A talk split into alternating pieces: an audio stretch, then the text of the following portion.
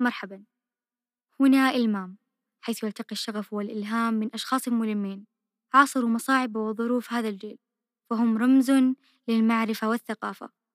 يروون لنا تجارب فريدة من نوعها وهم نافذة للخبرات وبحر للعلم في شتى المجالات.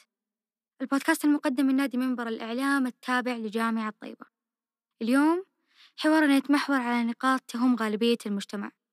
كنا أطفالا وأطفال اليوم هم جيلنا القادم ومعمرين للأرض من بعدنا. ضيفتنا لليوم ساهمت وشاركت في الكثير من المبادرات. كانت يد العون لبناء جيل اليوم ملمة في مجالها. نرحب بدكتورة ساندي كردي دكتورة بجامعة طيبة متخصصة في دراسات الطفولة. حياك الله دكتورة ساندي. أهلا وسهلا فيك لينا. وشكرا على الاستضافة وشكرا على حسن الظن وإن شاء الله بإذن الله تعالى تكون حلقة آه، جميلة وحلقة مشبعة آه، للمستمعين بإذن الله تعالى. إن شاء الله بإذن الله. والله صراحة إحنا سعيدين إنك لبيتي هذه الدعوة. الله يخليكي. كيف ما ألبي هذه جامعة طيبة جامعتي يعني. أكيد. وأنتم ما شاء الله النوادي أنا من الناس اللي كثير مؤمنة جدا بدور النوادي وأهميتها في آه، صقل الطالبات وإبراز مواهبهم واكتشافها. اكتشاف مواهب أصلا ما كانت لا صاحبها يعرف عنها ولا اللي حوالينه يعرفوا عنها. فأنا كثير أشجع الأندية. لذلك يعني ما ترددت إني أنا ألبي الدعوة حقتكم هذه. الله شكرا يعني لولا الله ثم دعمكم ما كان وصلنا صراحة الله يخليك الله يسلمك الله ياخذ بيدكم إن شاء الله يكون معاكم. بإذن الله. دكتورة ودي أبدأ معاك كذا بسؤال يعني أعتقد جاء على بال كل مستمع. وفي إلمام إحنا عندنا هدف في إننا نعرف قصة الملم القصة اللي خلته يصل إلى المرحلة اللي هو أصبح ملم فيها. فودنا إنك تقولين قصتك في رحلتك التعليمية هذه اللي صراحة خلتك توصلي للمكان اللي يفتخر فيه صراحة. الله يخليكي كيف كانت يسلمي. البدايات؟ ويعني إيش اللي اختلف من البدايات حتى الآن؟ والله شوفي يعني أنا آه، بدايتي فعلا كانت صحيح شيقة فيما يخص اختيار التخصص سبحان الله. آه، أتذكر أنا لما خلصت الثانوية العامة كان معدلي عالي جدا. كنت الحمد لله من الأوائل وكده فكان الكل متوقع يعني إني أنا أدخل تخصص يعني يتماشى مع هذا التفوق العلمي اللي كنت فيه. طبعا بحكم إنه نحن في المدينة المنورة قبل هذا الكلام يعني ممكن ستة وعشرين سنة أو خمسة وعشرين سنة ما كان في التخصصات اللي الآن موجودة. يا دوبك كان عندنا جمع جامعة الملك عبد العزيز فيها كم تخصص؟ كلية المعلمات كلية التربية. فكانت الجامعة طبعا هي ال ال في العادة هي اللي تاخذ الدرجات العالية والطلبة اللي هم أكثر آه، إنجازا وتحقيقا في في آه، التحصيل أكثر من غيرها. فمن البديهي إني أنا رحت سجلت في الجامعة حق الطيبة وفي جامعة عبد الملك عبد العزيز في وقتها وحصلت على القبول. آه طبعا ما كان في أبدا معظم التخصصات اللي موجودة تخصصات البيسك الأساسية. فدخلت جغرافيا. إي طبعا تخصص مغاير عن تماما تماما اللي أنا عليه. سبحان الله حضرت أول أسبوع في الجامعة حضرت ثاني أسبوع في الجامعة ثالث أسبوع حسيت كل يوم كنت أروح أحضر أحس إنه مو هذا المكان حقي. أنا أنا حاسة كأني في مكان غلط ما هذا المكان اللي أنا المفروض أكون فيه يعني مو هذا مكاني. وفي في هذيك الفترة كمان سبحان الله كنت آه حامل ببنتي الكبيرة سبين الله يحميها يا رب هي طالبة دكتوراه دحين. ما شاء الله تبارك الله يحفظها يا رب. فأخذت القرار إنه أنا ما حأكمل هنا مو هذا مكاني. وتعرفي مع كان ظروف الحمل وكده فما أخترت خيار آخر يعني. قررت إني بس مو هذا مكاني ولا هذا التخصص اللي أنا مفروض أكون فيه.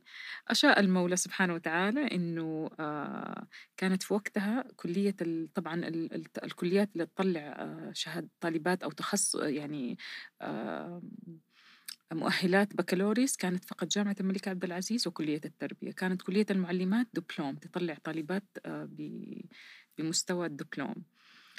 أشاء المولى في ذيك الفترة إنه اتغيرت كلية إعداد المعلمات وصارت تخرج آه، طالبات بمستوى بكالوريوس. ومن ضمن التخصصات اللي كانت فيه يعني موجودة وقتها متوفرة رياض الأطفال. آه، وصلني الخبر إنه حصل كده وصار في التخصص هذا متاح. كنت أنا خارج المملكة بصراحة وقتها كلمت الوالدة الله يحفظها قلت أمي روحي أسحبي ملفي من جامعة الملك عبد العزيز ودي كلية المعلمات.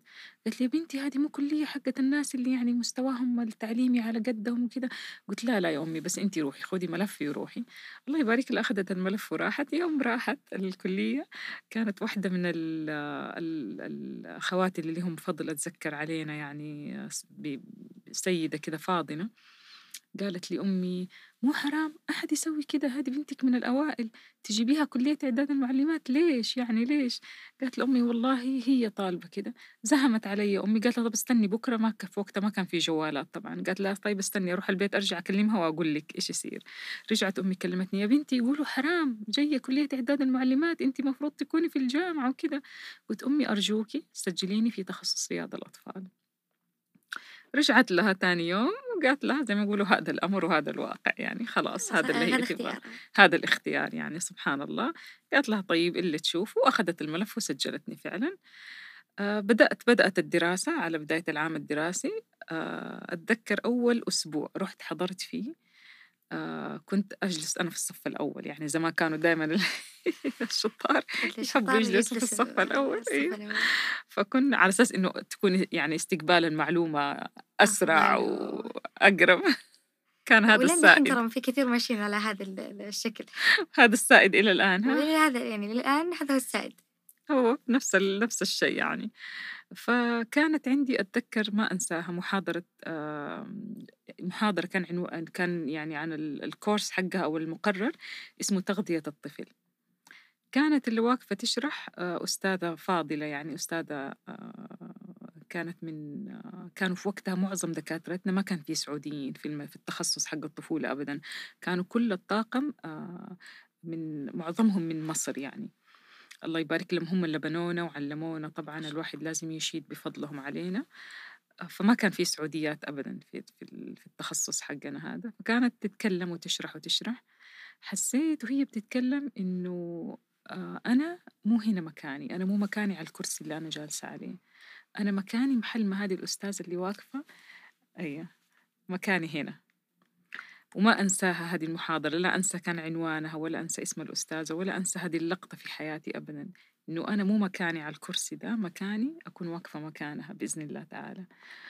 وفعلا مضت الأيام آه كنت طبعا اتفاجأت كان أول ترم لي أول ترم يعني آه عفوا أول سنة طلعت النتيجة. وأنا برضو واحدة من زميلاتي هي اللي بلغتني ما كنت موجودة في الصيف. قالت لي أنت طلعتي الأولى على الدفعة. ما شاء الله تبارك كيف الأولى على الدفعة نحن في مفروض يعني جامعة أو زي كلية برضه في أولى وثانية وثالثة قالوا إيوه في وأنت الأولى. طبعا أتفاجأت في وقتها إنه أفكر يعني إنه بس في المدرسة كنا أولى وثانية وثالثة وكذا على الدفعة. آه عدت السنة الأولى كنت الأولى على الدفعة السنة الثانية الأولى على الدفعة السنة الثالثة الأولى على الدفعة إلى التخرج. كنت الأولى على الدفعة والأولى على آه باقي التخصصات. الحمد لله آه وأتخرجت. برضو آه، أراد الله سبحانه وتعالى شاء المولى إني آه، أتعين أول معيدة سعودية كنت. ما شاء الله في في في تخصص رياض الأطفال في الكلية حقتنا.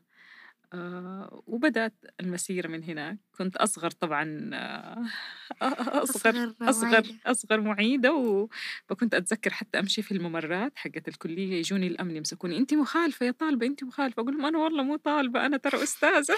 أنا معيدة أيوه. طبعا دخلت فجأة من طالبة آه، كانت تدرس على صفوف أو مقاعد الدراسة إلى معيدة بين دكاترتها اللي درسوها وكلهم كبار وكلهم دكاترة. وتعرفي النظرة تكون عالية وكذا وكل واحد كل واحدة عندها مكتبها وعندها أدواتها وعندها. فأنا دخلت بيناتهم لك أنا يعني حيكون لي كده مكتب زيهم وبيناتهم وأنا قد كده صغري صغيرة أنا وهم كلهم درسوني وفطاحلة في العلم وكبار وكده. آه، فكانت يعني آه، التجربة بالنسبة لي لا تنسى بصراحة بكل محتواها. أتذكر كنت أشوفهم كده الصباح كل واحدة عندها كوب شاهي كبير ولكن أنا لازم أشرب شاهي يعني عشان أعدل دماغي قبل المحاضرة يعني. فكنت أنا بسوي زيهم كمان أبى يكون عندي مج شاهي وأشرب شاي قبل ما أخش عشان تعدل أي بس ما عرفت أسويها هذه موضوع الشاي. إيه، نقدر نقول اختلاف أذواق. اختلاف أذواق هذا هو. الحمد لله وكانت هذه البداية. والله صراحةً بداية جميلة ومغايرة يعني من جغرافيا إلى دراسة الطفولة، يعني كان في شجاعة كبيرة منِك إنِك قررتِ إنِك تخرجي من جامعة الملك عبد العزيز وتذهبي للكلية. كلية إعداد معلمات نعم، نعم. كان قرار بصراحة يعني يتطلب آه، شجاعة عالية جدًا ويتطلب إيمان بشغفي، لإني ما أخفيكِ يعني أنا من طفولتي كان دائمًا عندي كده عندي مكتبة في غرفتي كل الكتب اللي أقرأها من طفولتي ما أقرأ غير تربية وعلم نفس و وأطفال، يعني هي التربية أطفال طبعًا باتكلم. فكان شغفي من وأنا صغيرة ما عندي تخصص أو مجال أقرأ فيه كنت أحب أقرأ فيه إلا هذا. المجال. فكان في داخلي بس ما كنت برضو متخيلة إنه أنا يعني ما بحكم إنه ما كان التخصص ما هو سائد ولا هم يعني ما هو معروف في ذاك في في في ذاك الزمان يعني.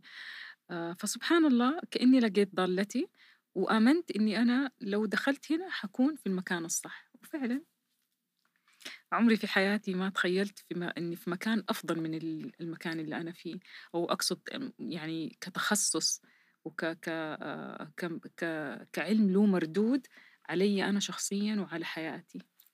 طيب دكتورة دام ذكرنا يعني هذه النقطة إيش اختلف من البدايات حتى الآن في مجال دراسات الطفولة؟ يعني من لما درستي إلى أن أصبحتي دكتورة في الجامعة بهذا التخصص وبهذا المجال إيش اختلف عليكي؟ طيب طبعًا آه العلم إحنا نعرف إحنا عايشين في عصر انفجار معرفي زي ما الكل يعرف، فهذا الانفجار المعرفي جزء منه معرفة الطفولة أو أبحاث الطفولة أو علوم الطفولة، فإحنا كل يوم والتاني بنسمع أشياء بتتطور وبنعرف إنه أشياء بتتطور، يعني زمان كانوا مثلًا في أشياء معينة يقولوا okay مسموحة، بعد فترة صار يقول لك لأ هذه ما هي مسموحة. هذه okay بعد فترة يرجع يقول لك لا هذه ما هي okay مثلا. يعني زمان كان يقول لك الطفل إيوه تضربيه ممكن ضربة خفيفة على مؤخرته مثلا. بعدين رجعوا قال لك لا الضرب غير مسموح ولا بشكل ولا بطريقة ولا بأسلوب مثلا. وغيره وغيره وغيره. فأكيد طبعا آه، زي ما أي علم بيتطور كمان علوم الطفولة بتتطور يوم عن يوم والأبحاث فيها آه، ما شاء الله غنية وبتطلع لنا آه، خلاصات يعني مفيدة جدا. اللي فهمته منك دكتورة إن علم الطفولة هو علم متجدد. يتغير بتغير التوجهات واختلاف الأزمنة. أحسنتي نعم طيب تمام. دام جينا على هذا النقطة وهذا العلم المتجدد الآن في توجه سائد أو دارج خلينا نقول أحسن عن التربية الحديثة. وكثير تبنوا هذه الفكرة كهي الطريقة الأفضل لتربية الطفل. ومع ذلك أكيد شفنا الناس المتحفظين على هذه الفكرة ويشوفوا إن التربية التقليدية هي الأفضل وهو إحنا كبرنا وعشنا و... وها صرنا يعني أطباء ومهندسين وإحنا ماشيين على التربية التقليدية. أنا ودي أعرف وجهة نظر دكتورة ساندي على هذا الموضوع. طيب شكرا طبعا على السؤال هذا لأنه فعلا إحنا يوميا بنشوف هذا الموضوع يوميا بنتناقش مع اللي حوالينا فيما فيهم أسرنا. يعني أنا في داخل الأسرة الواحدة تلاقي أخوان ناس آه، مؤمنة بكده وناس مؤمنة بعكس كده وناس تأيد هذا وناس آه، ضد هذا مثلا. فشوفي يعني إحنا أولًا آه، التربية التقليدية أو التربية الكلاسيكية اللي إحنا تربينا عليها وأنا تربيت على هذه المدرسة آه، أكيد آه، نشكر آباءنا وأمهاتنا إنهم بذلوا قصارى جهدهم وأعطوا أفضل وأكثر ما عندهم وأحسن ما عندهم عشان يطلعونا زي ما نحن الحمد لله فهذه ما عليها خلاف طبعًا. التربية بالفطرة ويعني الأمهات استخدموا فطرتهم في التربية وكده. لكن آه، طبعًا هذا ما يمنع إنه زي أي آه، زي الأصل في طبيعة الكون والأصل في في في الخلق هو التطور والتغيير، تمام؟ لذلك حتى يعني ديننا نقول صالح لكل زمان ومكان، بمعنى إيش؟ وإحنا دائمًا لنا في ديننا يعني هو نبراسنا ف والقرآن صالح لكل زمان ومكان، هذا يعني إنه الأصل في الخلق وفي الطبيعة هو التطور والتغيير، وبناءً عليه العلوم لازم تتطور وتتغير. آه، فكرة التربية الحديثة طبعًا كانوا يقولوا زمان إحنا أخذنا كفوف وأخذنا ما أدري إيش وما علينا وهو شوفونا طلعنا وانضربنا وطلعنا إيه آه بس طبعًا لأ أكيد زي ال زي كتير خلّينا مثلًا نقول زي الطب مثلًا آه زمان ما كان في العمليات وما كان في الأجهزة الحديثة اللي موجودة الآن، فهل نقدر نقول الآن الأجهزة الحديثة هذه ما تصلح والّا ما تنفع والّا هي ما هي أسلوب سليم وإحنا نبى نتمسك بالطريقة القديمة؟ طبعًا لأ. زي ما الكمبيوتر دخل على حياتنا زي ما الجهاز الذكي دخل على حياتنا. فإحنا بدونه يعني التطور حق الحياة خلى له احتياج. فهذا اللي أنا أبغى أقوله إنه التربية الحديثة أصبح لها احتياج لأنه معطيات الحياة اتغيرت فإذا معطيات الحياة بتتغير والدنيا بتتطور ونحن نكون واقفين مكاننا معناته نحن بنتأخر بنرجع على ورا.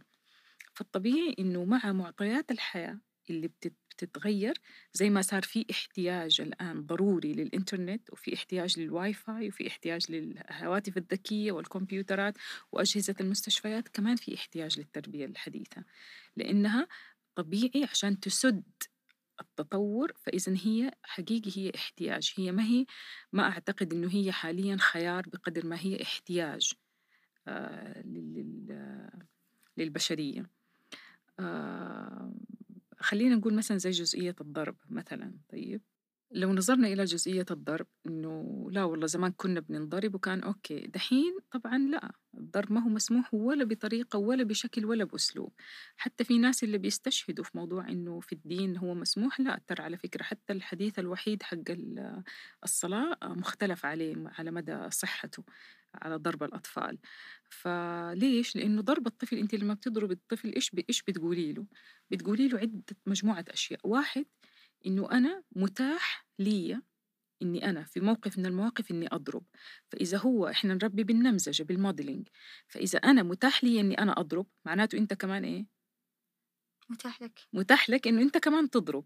تمام؟ لأني أنا بسوي إحنا بنربي بالنمذجة. هم يعني الأطفال ما يتربوا بالكلام ما يتربوا بإيش أنا أقول له لا هو يتربى هو إيش بيشوف وإيش بي بي بيمارس في حياته اللي يسموه النمذجة أو ال modeling. فالطفل أمي تضرب أو أبويا يضرب معناته هو له حق. ليش؟ لسبب أو لمبرر, لمبرر ما. معناته أنا ممكن في يوم من الأيام يكون عندي مبرر وعندي سبب أضرب أخويا أضرب صاحبي أضرب أي أحد تاني. تمام؟ فإذا هذه رقم واحد تمام؟ إني أنا بال modeling فأنا بادي له رسالة إنه هو الضرب هذه وسيلة متاحة أو وسيلة مسموحة. اثنين أنت بتتعدي على على على على إنسان على على على جسد إنسان وهذا مو من حق أي إنسان لو مهما كان إنه يتعدى على إنسان. آه فهي مجموعة أشياء يعني كمان ال ال ال ال ال الضرب في ناس تعتقد إنه هو وسيلة زي ما تقولي يعني زي تعليمية أو تأديبية. طيب الطفل ما بيتعامل لما بينضرب هو ما بتجيله رسالة إني أنا بأدبك لا. هو في ديك اللحظة خلاص حتى العمليات العقلية حقت العليا تقفل وأنا في تعدي وفي هجوم علي فمو هذه الرسالة اللي أنا أحتاجها أو مو هذه الطريقة اللي أنا أحتاجها عشان توصل لي فيها رسالتك. لأ في طريقة تانية اللي عقلي فعلا حيستجيب. تمام. فهذه الأسباب كلها تخلينا نفكر إنه لأ الضرب هذا لأ لأ لأ لأ. فكنا نقول على موضوع الضرب فيعني حتى إنه إحنا بنوصل رسالة للطفل إنه إحنا مو في قانون غابة إنه اللي يزعلك تروح تاخذ حقك بيده منه يعني من هذا الشخص أو كده. فطبعا والتحكم بالنسبة للأمهات اللي تضرب في أشياء كثير نحن نقول لهم هي إنه تقول لك طب أنا ما أقدر أحس إني لما أزعل ولا لما يعصبني ولدي ما عندي حل غير أستخدم يدي. ولا لا في طرق تانية. طبعا آه، ممكن لما تحس إنك تبي تضربي لأنه هو إيش يحصل؟ الإنسان لما يزعل ترتفع عنده هرمونات معينة. طيب؟ فتروح يعني مثلا على اليد الست الناس اللي يضربوا على اليد ولا على الصوت إنها تصرخ ولا ولا مثلا صفقي ولا مثلا أخبطي على رجولك انت على أفخاذك عشان لانها تحس إنه في ساعتها ما تبغى تسوي شيء غير إنها تبغى تضرب تبغى تستخدم يدها. فأوكي أضربي على رجولك مثلا صفقي أعملي بيدك كده يعني إلى آخره. وحتى الصراخ نفس الشيء يعني مش بس الضرب.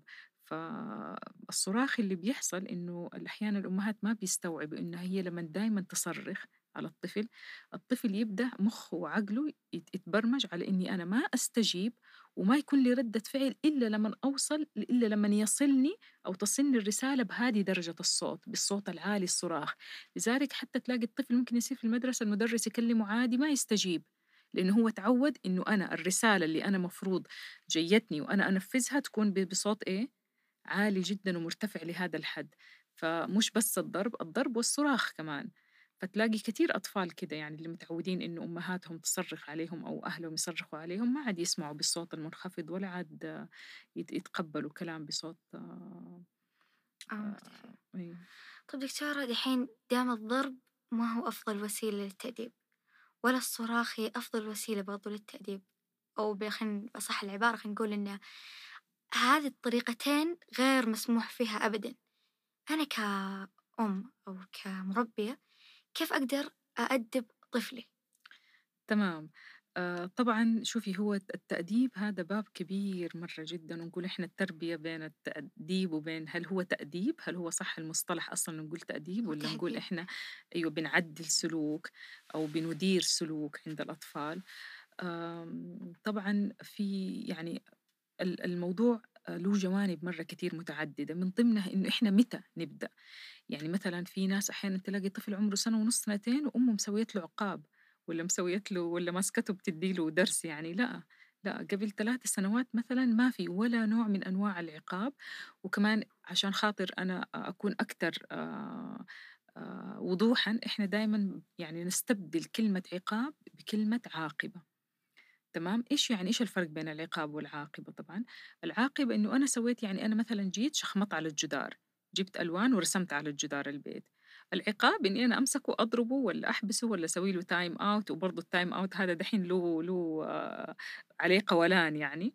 أو إنه آه، أخليه ياخد قطعة إسفنجة وصابون ويمسح هذا الجدار اللي هو سواه ويتأكد إنه هو آه، يعدل خطأه. فهذا العقاب والعاقبة فإحنا اللي نبغاه في التربية أو اللي نطمح ليه دائما في التربية إنه إحنا نستخدم أسلوب العاقبة. إنه أنت سويت هذا الخطأ أو هذا التصرف أو هذا التصرف عفوا فأنت تبى تحس نتيجة سلوكك ده أنت فرض عليك هذا ال- الأمر وتعدل خطأك. تمام؟ فإحنا هذا اللي دائما يعني ننادي به إنه نستخدم طريقة العاقبة وليس العقاب. طبعا أكيد في بعض ال- ال- المواقف أو في بعض المواضع الإنسان بيحتاج إنه في سلوك تبي تعدليه طبعا زي ما قلت أنا قبل ثلاث سنوات ما في هذا الكلام أبدا. بعد أربع سنوات آه تبدأ الأشياء تظهر لك. ظهور ال- التصرفات اللي قد تبدو إنه هي مشكلة سلوكية أو انحراف سلوكي زي مثلا الكذب زي مثلا العناد زي مثلا الضرب زي مثلا أشياء كتير ممكن تظهر إنه الطفل يسويها. قد تبدو إنه هي مشكلة. هي ما هي مشكلة أحيانا تكون. فإحنا لازم نعرف السبب وراء هذا التصرف. يعني إذا طفلي مثلا خلينا نقول آم، بيكذب. طيب يا ترى هو ليش بيكذب؟ تمام؟ في أسباب كتير تيجي وراء الكذب. يعني من ضمنها مثلا آه، الخوف. يعني أنا بأكذب عشان أنا خايف أقول الحقيقة. من ضمنها أنا ب- بأسوي يعني زي بأمتحن أمي أو بأمتحن أبويا وأشوف هذا الطريق فين حيوصلني. الأطفال معروف عنه بصفة عامة إنه حتى مثلا تلاقي في أمهات تيجي تقول لك أنا طفلي عنيد وعندي مشكلة طفلي مرة يعني متعبني ما يسمع الكلام عناد. العناد هذا هي ما تكون عارفة إنه هو ما هو المقصود في الرسالة اللي هي بتوصلها إني أنا بعاندك أو أنا ضدك. لا العناد هذا ممكن يكون إني أنا بأكتشف أبغى أشوف وأبغى أتعلم فأنا بأسوي هذا الشيء يعني مثلا إيش أقول لك مثلا؟ بابا لا تأكل مثلا آه، لا تأكل بيدك ال- ال- خلينا نقول المكرونة. حت حت آه، حتتكبكب عليك ولا حتوسخ.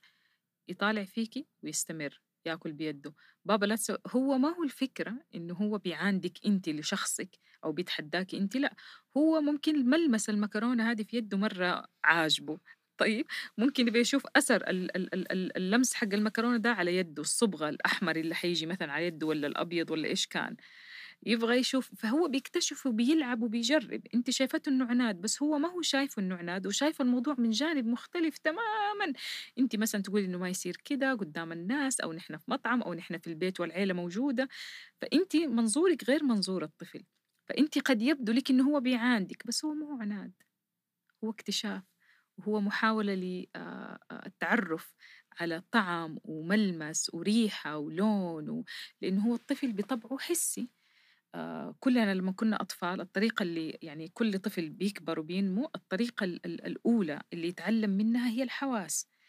فكل شيء يحب أو كل شيء آه، مدخل لعقله هو الحواس الشيء الحسي الملموس. فلذلك أحيانا حتى الأم لما تمسك مثلا ولدها كذب تمسك تكلمه عن الكذب ولا يكذب ما أعرف إيش يصير له هو أصلا التفكير المجرد هذه إحنا نقول مفاهيم مجردة الكذب الأمانة الإخلاص الأشياء دي كلها مفاهيم مجردة. الطفل ما يعيها لأنه عقله ما يعي إلا الملموس اللي يقدر يلمسه بحواسه فيكون لسه المرحلة العمليات العقلية العليا حقت التفكير المجرد هو لسه ما وصل لها. فلذلك الأم آه، تبدأ تشوف إنه هذا محتاج تأديب ومحتاج هذا بيعاندني ولا هذا بيكذب ولا هذا ولا هذا ولا هذا. طبعا أنا ما أقول إنه نشوف كل شيء ونقول هذا مقبول أوكي ويصير الطفل لأنه هي شعرة على فكرة بين إنه الطفل يصير آه، آه، في انفلات في التربية وبين يكون في تفهم وانضباط. شعرة ترى. يعني دكتورة يعني مدام اللي يفصلهم شعرة كيف أنا أشعر إن طفلي الآن ماشي بطريق صحيح وماشي أنا بتربية صحيحة؟ ومتى أشعر إن طفلي بدأ يخرج عن هذه الدائرة؟ تمام تمام. يعني آه طبعا هو إحنا كيف نعرف زي ما تفضلتي في احتياجات وفي نمو خصائص نمو لكل مرحلة. آه طبعا إحنا ما بنط... ما بنطلب إنه كل أم تروح تدرس طفولة ولا تروح بس طبعا إحنا أمة أقرأ يعني أمة اقرأ. فقد ما تقدر الأم أو الأب يحاولوا يثقفوا نفسهم يحاولوا يكونوا على اطلاع بقدر المستطاع أكيد ما يروح يدرس التخصص بس زي ما قلت لك يكونوا على قدر من الاطلاع ويعرفوا إنه والله من الخصائص العمرية للطفل كده إنه مفروض الطبيعي حقه كده التفهم. آه، حاجة تانية أساسية جدا في التربية دائما اللي هي الهدوء نقول الهدوء ثم الهدوء ثم الهدوء في التربية. على قد ما كانت آه الإمام يعني ابن تيمية يقول التربية عملية تبدأ الإنسان يعني تبدأ بالولادة وتنتهي بالممات. فعلى قد ما تقدر الأم والأب يضبطوا مشاعرهم يضبطوا انفعالاتهم ويكونوا دائما يحاولوا يستخدموا أسلوب الحوار والهدوء والتفهم أنا أعتقد إنه الهدوء هو مفتاح آه، أو أحد مفاتيح آه، التربية السليمة الهدوء. إنه البعد عن الانفعالات وعن المبالغة حتى كمان في في ردود الفعل. يعني اللي فهمناه منك دكتورة إن التربية قبل ما الأب والأم يقرروا يكونوا آباء وأمهات لازم يربوا نفسهم على أنهم يكونوا آباء وأمهات أحسنتي أحسنتي. طيب آه، ذكرنا نقطة أول في كلامك. قلتي إن الخوف واحدة من الأسباب اللي ممكن تخلي الطفل يعني آه، خلينا نقول يطلع شوية من هذه الدائرة.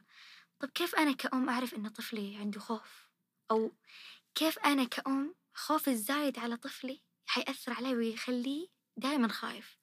أحسنتي أحسنتي على هذا السؤال. طبعا الخوف هو هو أنت تطرقتي لشقين. شق اللي هو كأسلوب والدي للتعامل اللي هو إحنا نقول الحماية الزائدة من طرف الأم. فهذا أسلوب أو من طرف الأب هذا أسلوب تربوي. يعني في التنشئة تنشئة الطفل في لها أساليب مختلفة أو وطرق مختلفة. فواحدة من الطرق اللي الأهالي ممكن يستخدموها الحماية الزائدة أو الخوف الزائد. طبعا هذا بيكون له نتائج كثير آه، آه، سلبية يعني ما هو من الطرق الصحيحة أبدا أو لأنه له نتائج عبر الوقت والزمان على نفسية الطفل وعلى سلوكياته. يصير هو طفل دائما يخاف يصير زي ما تفضلتي طفل يعني غير مبادر. يصير طفل عنده خجل عنده عدم ثقة في النفس. يكون حاجات كتير يعني. نحن نقول دائما عدو الإبداع هو الخوف. آه، أي إبداع عشان يطلع لازم يكون معاه شجاعة. إبداع إنه أنت تضيفي شيء جديد للمجتمع تطلعي فكرة جديدة تسوي آه، آه، نظرية جديدة تسوي مشروع تسوي فكرة. فالطفل لما يتربى على الخوف نحن بنقتل الإبداع عنده ونحن ما إحنا حاسين. طيب دكتورة الآن إحنا ذكرنا مشكلة الخوف عند الطفل. كهذه المشكلة كيف أنا كأم طفلي أصبح يمتلك هذه المشكلة. كيف أقدر أعالجها؟ طيب تمام. آه أي أي آه مشكلة تجينا دائما الأم تسأل عنها نقول ندور السبب. إذا عرفنا السبب اللي أدى إلى هذه المشكلة آه نقدر نعالج المشكلة. آه، فالخوف عند الأطفال له أسباب مرة كثيرة أو متعددة أسباب الخوف عند الأطفال. طبعا في خوف اللي هو الخوف الطبيعي. تمام؟ اللي هو مثلا على سن ثلاثة سنين ونص أربع سنين يبدأ يخاف من الظلام يخاف من الحشرات يخاف من العنكبوت مثلا بالذات يخاف من الغرباء. فهذه كلها تكون طبيعية ومبررة تمام؟ فإحنا هنا ما يجي جزئية إنه إحنا بنعالج لأنه هي لسه ما صارت مشكلة. طيب هي إحنا كيف نتعامل مع ظهور هذه السلوكيات اللي هي طبيعية في هذا العمر ممكن إنها تظهر ومعظمها بتكون غير مبررة ولكنها هي طبيعية إنها تظهر تمام؟ فهذه حاجة الحاجة الثانية آه، لما يكون الطفل متربي في تربية آه، قاسية فيها تعنيف فيها صراخ فيها آه، عدم تفهم فطبيعي التربية اللي فيها التعنيف هذه تؤدي أو آه، تخلي الطفل آه، يكون عنده حالة خوف دائما ومستمرة. أو طبعا كمان الصدمات اللي ممكن الطفل يمر فيها واحدة من الحاجات اللي تخلي عنده خوف دائم وخوف غير مبرر. كيف نتعامل معها؟ طبعا إذا الأم اللي بتصرخ وتضرب لا زالت بتصرخ وتضرب ما راح نقدر نخلي الطفل ما يخاف. طيب؟ فعشان يبطل يخاف لازم نعالج سلوك الأم أول اللي هو سلوك الضرب أو التعنيف أو الصراخ أو حتى الأب الأم, الأم أو الأب يعني تمام؟ فإحنا بإزالة الأسباب أو بمعالجة الأسباب نقدر نعالج السلوك اللي بيظهر عندنا. جميل جدا. يعني المعالجة هي في إن إحنا بداية نعالج السبب أيوة. عشان نقدر نعالج المشكلة نفسها. تمام. تمام بالضبط. تمام جميل جدا. طيب دكتورة دام جينا في موضوع معالجة الأسباب خلينا نفترض أن هذا الطفل عنده صدمة أو تعرض لصدمة في طفولته. وطبعا الصدمة أعتقد أنها تمتد مع الشخص إلى ما يكبر. صحيح. فمن الممكن تكون هي الأم نفسها تمتلك هذه الصدمة فأثرت على تربيتها للطفل وأصبحت الأم والطفل يمتلكوا صدمة. إحنا كيف نقدر نعالج هذه المشكلة؟ أو خلينا نقول كيف نقدر نقول إن هذا الشخص يمتلك صدمة في طفولته وعنده صدمة أصلا؟ تمام تمام أحسنتي. فهو في البداية تيجي عملية التشخيص. أنا كيف أعرف إنه الطفل آه، مر بصدمة؟ طيب أحيانا تكون الأم على علم. في صدمة ظاهرة يعني مثلا الطفل شاف حادث سيارة أو هو سوى حادث سيارة شاف أمه بشكل شاف أخوه بشكل لا سمح الله شاف أبوه بمنظر شاف منظر دماء شاف فهذه تعتبر صدمة كبيرة مثلا طيب؟ أو مثلا الفقد الفقد يعتبر صدمة أتوفت جدته أتوفى جده أتوفى أحد آه، انفصال الوالدين فهي أسباب كثير اللي تؤدي إلى الصدمات. طيب كيف أنا أشوف أو كيف أعرف إنه طفلي بدأ تظهر عليه إنه هو البروسيسنج حقه حقه أو طريقة هضمه أو تعامله أو مع مع الصدمة كيف أعرف إنه هي أثرت عليه فعلا سلبا وهو محتاج تدخل؟ في علامات كثير ممكن تظهر يعني هم تقريبا سبع علامات فيقول لك إذا سبع العلامات ظهرت منهم خمسة أو ما شابه الطفل معناته تعرض لصدمة. طبعا هذا في حال كانت الأم والأب على معرفة لأنه ممكن هو يكون تعرض لصدمة هم ما هم عارفينها في المدرسة مثلا أو في الشارع. لا سمح الله أحد تحرش فيه أو كده فهم ما هم شايفين ولا هم عارفين. فهمتي قصدي؟ فالتفرقة يعني آه، يعني نقول في الحالتين سواء كانوا الأب والأم عارفين مصدر الصدمة أو سواء كانوا عارفين ما هم عارفين إنه هو الطفل تعرض لصدمة. إيش الأعراض اللي نشوفها على الطفل ونقول إنه هو تعرض لصدمة؟ زي ما قلت لكم تقريبا آه، مجموعة أعراض أختصر منها أيوة. نقول مثلا النكوس النكوس اللي هو عبارة إنه الطفل يبدأ يسوي أشياء كان يسويها وهو صغير. طيب أو يقلد أخو صغير عنده يعني يحاول يتكلم زي البيبيات الله يكرمك يصير يتبول على نفسه يصير إنه ما يعرف ياكل مثلا. هذه يعني لها أوجه كثير النكوص آه، حاجة الثانية تبدأ تظهر كوابيس ليلية آه، وبكاء في الليل. آه، الحاجة الثالثة ممكن يكون فقدان الشهية يصير الطفل عنده فقدان شهية من وغير مبرر للأكل. التبول اللا إرادي كثير أطفال فجأة يكونوا هم خلاص مزبوطين وحمامهم كبير يعني السبع سنين ست سنين أو أكثر حتى فجأة يصير يتبول تبول لا إرادي آه، فجأة يصير ملتصق بأحد والديه. يعني يحس إنه هو طول الوقت خايف وما بيترك آه، والده أو والدته أو أو شخص ما. فمجموعة من الأشياء من هذه الأعراض هذه لو ظهرت نقول إنه الطفل ممكن يكون فعلا تعرض لصدمة سواء كانت معروفة بالنسبة للأم والأب أو غير معروفة. طبعا كيف نتعامل مع هذه الصدمات؟ طبعا هي كل حالة لها آه لها أسلوب ولها طريقة حسب الصدمة إيش كانت وإيش طبيعتها وإلى آخره. لكن خلينا نقول بصفة عامة في يعني أدوات أو, أو وسائل أساسية نتعامل فيها مع الطفل. لما نحس إنه هو ظهرت عليه واحدة من دي الأشياء أو في عنده مخاوف غير مبررة. طبعا هو الطفل إيش اللي بيحصل؟ لما بيمر بصدمة زي بيفقد الثقة تمام؟ بيحس إنه أنا ممكن في أي لحظة كأني حاجة حاجز في نفسي خلاني أفقد الثقة وأفقد السيطرة. فمن من من طبيعة الإنسان دائما وفطرة الإنسان إنه يحب يكون حاسس إنه عنده قدرة أو سيطرة على على الموقف اللي هو عايشه. فأنا أحاول أعد له هذه ال- ال- ال- ال- الفكرة هذه. فكيف؟ عن طريق أني أنا دائما آه، آه، على طول الخط المعرفة أعطي الطفل معرفة إنه إيش حيصير. بابا إحنا مثلا اليوم راح آه، نروح بيت خالتك أو نروح بيت عمك بعدين حنروح مثلا نتسوق نص ساعة بعدين حنرجع البيت. بكرة حنعمل كده. إن شاء الله في الإجازة راح نعمل كده. أخليه دائما على معرفة وعلى علم إيش اللي بيحصل وإيش اللي حيحصل. الحاجة الثانية الروتين. يعني الطفل دائما دائما دائما يحب يكون عنده روتين واضح يعني ما في مفاجآت كثير. إنه إحنا يومنا يمشي بدي الطريقة يعني حياة الفوضى لا تتناسب مع عقل الطفل اللي ربي خلقه عليه. كل ما الحياة كان فيها روتين مزبط كل ما هذا يساعده هو يساعد الأم ويساعد الطفل على فكرة. يعني مو بس عشان الصدمات ترى موضوع الروتين هو واحدة من الأساليب المهمة جدا في التربية. إنه حتى الأم لما الطفل يكون عنده قانون واضح وروتين واضح يمشي عليه حيكون أسهل له إنه هو ينضبط وأسهل له إنه هو يتماشى معاه. ف طبعا أيوه مج- مجموعة هي مجموعة من الأشياء ممكن آه قيس آه عليها موضوع صدمات الطفولة. أيوه بالضبط. طيب ذكرتي إن الأشياء اللي يشوفها الطفل مرات هي تسبب آه، مثل الصدمة؟ طيب آه، كثير الفترة هذه ال- البرامج الخاصة للأطفال وزي ما نعرف آه، زمان على أيامنا كانت ال- البرامج اللي تذاع على التلفاز هي اللي كانت دارجة ذيك الفترة مثل قناة سبيستون وغيرها وأثرت صراحة في قراراتنا. أثرت في أهدافنا يعني اللي كان بيكون لاعب فقط لأنه شاف كابتن ماجد. واللي كانت تبى تكون طبيبة فقط لأنها شافت فيلم معين طيب أنا كأم كيف آه، يعني أقدر أأثر على طفلي من الأشياء اللي أشوفها وكيف أنتبه على على طفلي من تأثير الأشياء اللي يشوفها. زي ما أنت شايفة في الفترة هذه بعض أفلام الكرتون تتبنى توجهات ما تناسبنا لا كديننا ولا كقيمنا الاجتماعية. فأنا كأم ما أبغى أثر على الطفل في هذه الأشياء.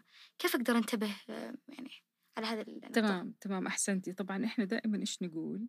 آه نقول إنه انت ما تقدري تسوي للطفل قائمة كده في حياته إنه هذه ممنوعات هذه مسموحات. ما تقدري تلمي كل شيء في الدنيا وتسوي له هو على شكل قائمة. هذا واحد. اثنين انت ما تقدري تكوني انت معاه في كل موقف. يعني زي ما تفضلتي هو بيشوف تلفزيون ولا في يده جوال ولا آيباد كتير بتيجي مدخلات من برا. فكيف انت تقدري أو إيش الطريقة الصح إنه انت تخليه يتعامل؟ انت ما حتكوني موجودة زي ما قلنا طول الوقت. فاحنا الفكرة إنه إحنا نعلم ونربي الطفل على اولا إنه يكون هو عنده النظارة حقته اللي تسوي مرشحات. التربية القائمة على الحوار من البداية من الطفل وهو مرة صغير وإنه الأم دائما تتكلم وتخلي الطفل تعلمه هو يختار مو هي اللي تختار له. يعني تعليم الطفل إني أنا مو عندك قائمة ممنوعات ومسموحات لا كيف أنت تختار؟ طيب أعلمك كيف أنت تختار وتنتقي الأفضل لك. فالتربية اللي تكون من الأساس قائمة على هذا الموضوع يعني يكون عندك أنت المرشح حقتك أو نظارتك اللي تخليك أنت تفلتر بنفسك تفلتر المواقف اللي حتشوفها والأشياء اللي حتشوفها. ما تتكون عند الطفل بين يوم وليلة هذه طبعا هذه تيجي من الطفولة من الطفل وهو بيبي الأم قديش. يعني أحيانا في أمهات أو أبهات يعتقدوا إنه الطفل يعني في حتى في ناس كانوا زمان يسموا الطفل جاهل.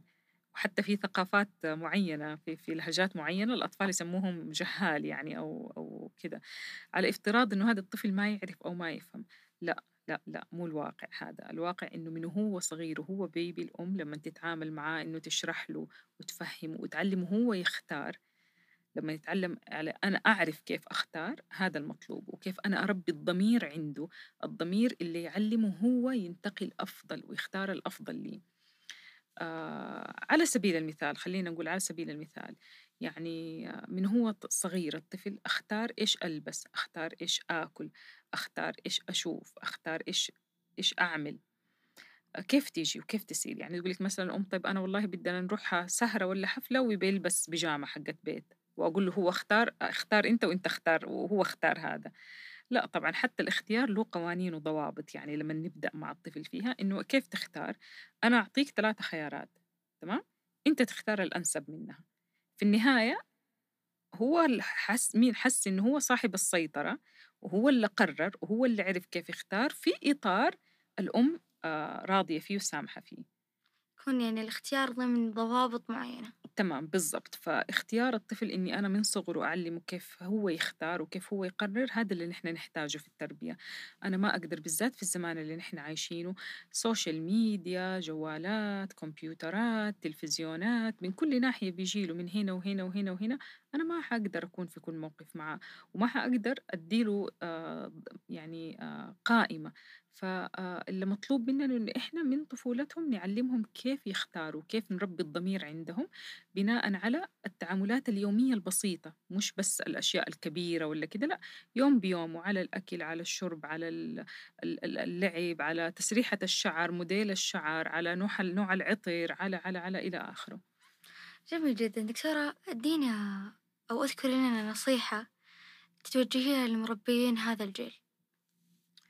طيب آه، أولا أنا زي ما قلت قبل شوية في في بداية الحوار إنه البعد عن التربية الانفعالية التربية الانفعالية مضارها ومساوئها كبيرة جدا ومحاولة قدر المستطاع التحلي بالهدوء والصبر.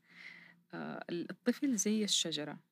تمام؟ اللي ما راح تشوفي مو مجرد ما حتحطي البذرة راح تاخدي الحصاد لا انت كل يوم حتسقيها وتراعيها وتسقيها.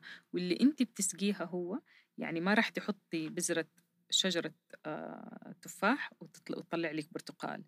البذرة اللي انت حتحطيها بالهدوء والخير والتفهم والحوار و و و حتطلع لك اللي انت تبغيه.